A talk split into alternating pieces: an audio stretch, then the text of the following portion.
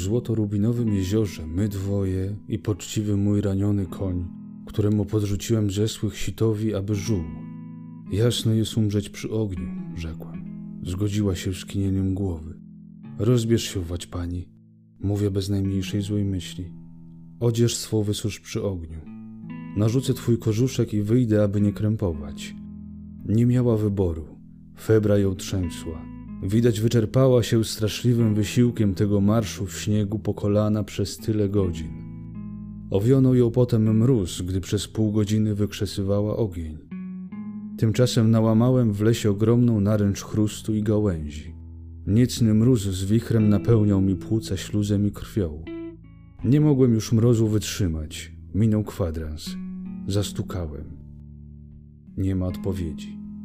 Ponowiłem stukanie, strach mi ogarnął. Tylko koń dziwnie jękliwie zarżał. Rozchyliłem drzwi i prędko wsunąłem się, aby nie wypuszczać ciepła z izby. Widok był cudowny. Centaur obudził się we mnie. Rozwiesiwszy na tyce amarantową koszulę, leżała przy ogniu naga tak blisko żaru, że uczułem skwarzenie ciała. Koń pochylił głowę ku jej włosom. Nieruchomo trwał. Nawet na moje wejście uszami nie zarżał. Porwałem ją i odsunąłem. Omdlała. Serce biło. Okryłem ją czaprakiem, żar podzwrotnikowy, ogień walił aż pod sufit, grożąc, że chatę zapali. Smolne kłody hucząc strzelały jak z rewolweru i zalewały się lazurową, roztopioną żywicą. Twarz jej przyświecała różowym odblaskiem konchy morskiej. Oczy niewidzące nic, lecz otwarte niby lunatyczki, świecą księżycowym poblaskiem. Łuk bioder przegięty w kształt fali, która wzniosła się płynąc. Cudzie życia, pomyślałem. Wybuchło we mnie pragnienie wina gorętszego niż esencje etny. Wszystkie kodeksy świata ustępowały we mnie wobec szału namiętności i zgonu. Przypomniałem o ślubie swym w klasztorze San Onofrio. I ślub ten wydał mi się nagle czymś tak lichym jak listek zeschły, unoszony przez wspienioną rzekę Mississippi. Walka w boju zawsze podnieca zmysłowość.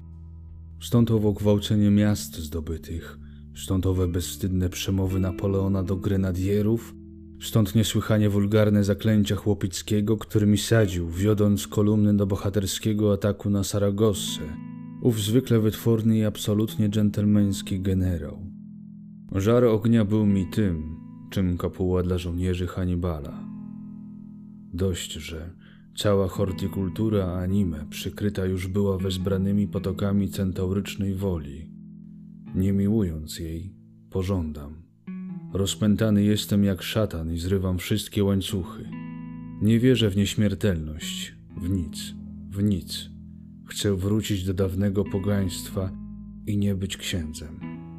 Otóż teraz, wpatrując się w to, co było mi niegdyś tak znane i tak uwielbiane we wspaniałe ciało kobiece, usłyszałem nagle jej słowa w lunatyzmie czy zemdleniu.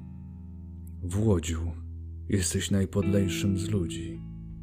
Zamarłem w sobie i nagle przeraźliwa otchłań zdała się rozwierać u mych stóp, bo nie byłem jednym z tych, którzy niewolniczo przyjęli kanony i zachowują je dla oka przełożonych i gromadki wiernych.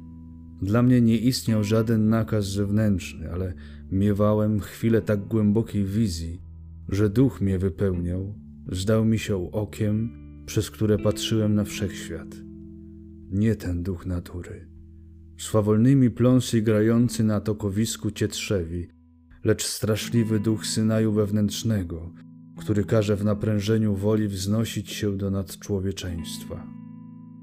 Może tu drwić kabotyn literacki, żuiser salonowy jakiś babiszon, dążący do wyzwolenia. Lecz mówię ja, który posiadałem niejedną z wener świata, iż długo czekałem na wezwanie Boga, lecz raz uznawszy go we własnej wolnej mojej woli tworzącego, już go zdradzić nie mogłem. Usunąłem się w kąt jakby szatan zawył na łańcuchu, tak ja targnąłem się w sobie.